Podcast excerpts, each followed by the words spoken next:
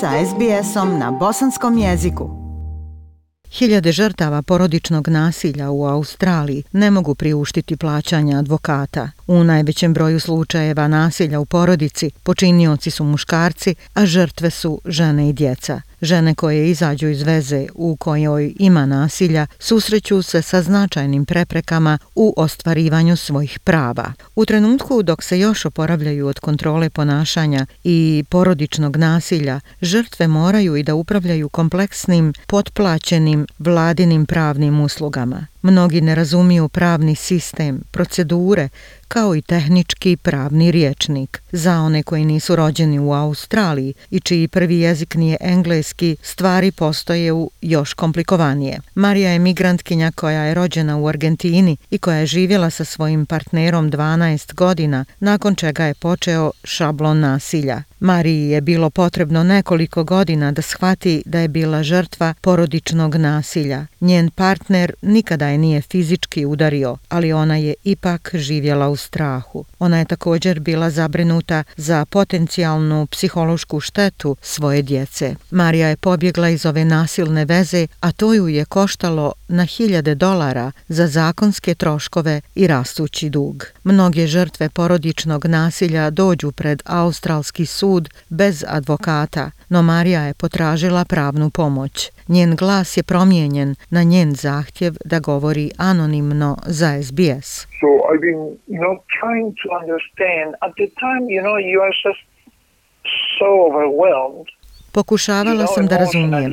U to doba ste tako emocionalno preopterećeni. Ne možete pohraniti tako puno informacija. Osjećate se prestrašeni. Pitate se kako ćete sve to pregurati. Prosto ne razumijete pravne termine. Pravnici se služe svojim pravnim jezikom, oni poznaju zakon i sve to. Ja ne sumnjam u njihovo znanje, međutim, nedostaje im nota načina komunikacije sa običnim građaninom. Oni govore tehničkim jezikom i tu je mnogo konfuzije.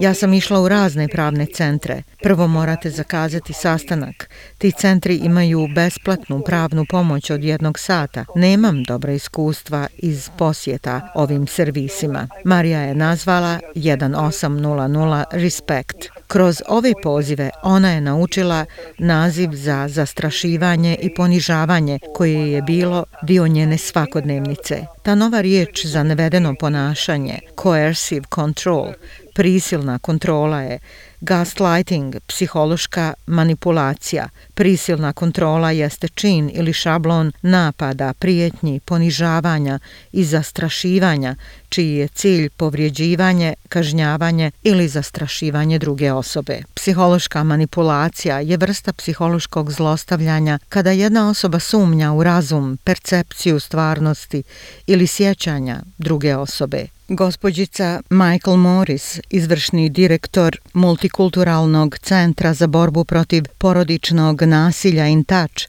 kaže da 60% žena koje dođu u njihov centar ne znaju šta je to prisilna kontrola te za psihološku manipulaciju. Gospođica Morris kaže da i druge jezičke prepreke smetaju u pristupu pravnoj pomoći, naročito ako engleski nije prvi jezik. Legal services Um, and legal issues are incredibly complex Pravne usluge i pravni problemi jesu nevjerovatno kompleksni i iznijansirani. Žene zaslužuju da razumiju o čemu se radi i jedini način, ukoliko njihove jezičke sposobnosti nisu tako jake, jeste da nađu prevodioca. Jedna od najvećih barijera za ove žene je to da prevodioci nisu dovoljno uključeni u pravni sistem, a i kvalitet prevođenja ponekad nije tako dobar kao što bi trebao da bude. Dakle, jedna od od najvećih prepreka je to da žene i razumiju ispravno taj jezik i da znaju šta se događa, da znaju kakve odluke da donesu. Ja mislim da je ovo široko prisutno u sistemu. Ured državnog tužioca je odgovoran za koordinaciju vladine politike i projekata koji poboljšavaju pristup pravdi. Novi podaci pokazuju da su muškarci dobili dvostruko veći grant za pravnu pomoć nego žene, a za period od jula 2020. do maja 2021. godine. Simon Rice, profesor prava na Sidnejskom univerzitetu, analizirao je statistiku australske državne pravne pomoći i u njegovim analizama se vidi da je 65% ovih grantova otišlo muškarcima, a 33% ženama. 2% se nije izjasnilo o spolu.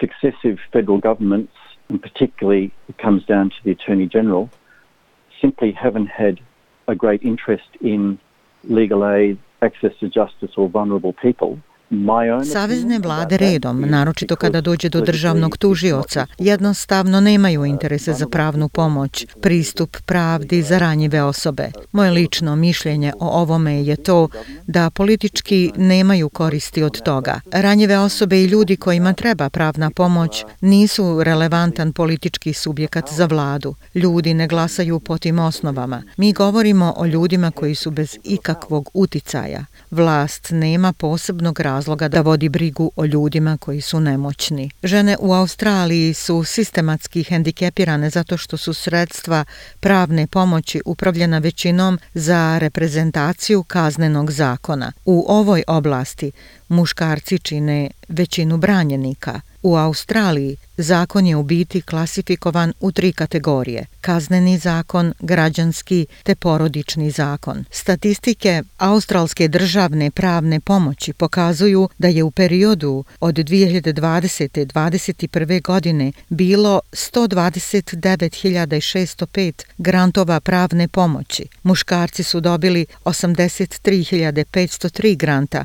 a žene 43.160. Osobe koje se nisu izjasnile o spolu dobile su 2942 granta. Helen Matthews, zamjenica izvršnog direktora pravnih usluga za žene Viktorije, kaže da oni ne mogu preuzeti sve slučajeve. For us, we are very Uh, you know, um, Što se nas tiče, mi smo vrlo izbirljivi, vrlo strogi i u tome koga ćemo zastupati. Mi moramo pomoći onim ljudima za koje mislimo da su najmanje sposobni da sami prolaze kroz pravni sistem. Predmeti u porodičnom zakonu uzimaju prilično puno vremena. Mi brinemo za žene koje nemaju pristup pravnoj pomoći, ne zato što imaju prevelika primanja, nego zato što mogu postojati problemi u njihovim slučajevima. U Australiji pravni sistem uključuje javne i privatne usluge koje rade zajedno u pomaganju kroz pravnu pomoć putem državnih i teritorijalnih agencija. Ishod ovih procesa može imati dugotrajne posljedice, uključujući gubitak njihove porodice, kuće, primanja, imovine i vlasništva. Također može imati uticaja na fizičko, emocionalno i mentalno zdravlje žena i djece koji prolaze kroz ovo. Ukoliko servisi pravne pomoći zastupaju navodnog počinioca u drugim predmetima krivičnog prava, što je najčešći slučaj, onda ovaj servis ne može zastupati žrtvu kroz porodično pravo da bi se osiguralo da nema sukoba interesa. Većina ljudi ne može sebi priuštiti advokata zato što je prosječna cijena jednog sata 500 dolara.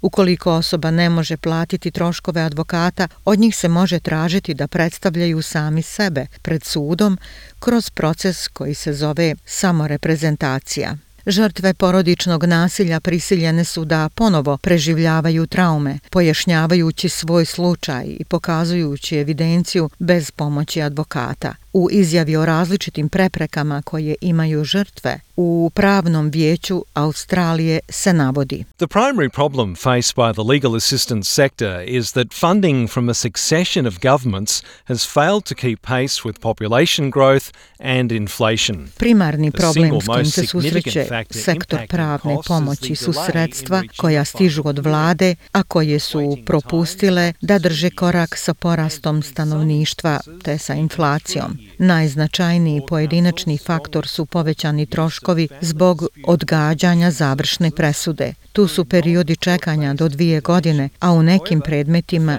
čak i tri. Pravno vijeće strogo podržava korištenje vansudskih baziranih intervencija u rješavanju porodičnih sporova. Ipak, porodični sudovi čine vitalnu bazu za one koji ne mogu riješiti problem putem ovih servisa. Od 2009. godine Australija je implementirala brojne projekte pravne pomoći kako na državnom, tako i na saveznom nivou. Nijedna od ovih inicijativa ne garantuje pristup pravnom zastupništvu i sve one imaju kriterijume pristupa. Helen Matthews, zamjenica izvršnog direktora organizacije Pravne usluge za žene Viktorije, kaže da postoji značajan broj hendikepiranih žena kojima treba pomoć, a koje još ne ispunjavaju uslove za grant. Where there's a conflict of interest and legal aid itself cannot Tamo gdje postoji sukob interesa i gdje sama pravna pomoć ne može pomoći, ovo ne sprečava nekog ko ima pristup pravnoj pomoći da potraži privatnog advokata kojeg će platiti pravna pomoć, a koji bi im pomogao. Postoji problem kada članovi porodice uzmu privatne advokate, a koji su spremni da urade pravnu pomoć. Onda ih se na ovaj način odvraća. Problem koji se javlja jeste da li će pronaći advokata koji je u dobroj poziciji da im pomogne. Mislim da postoji nemali broj ljudi koji su upali u ovakav procijep.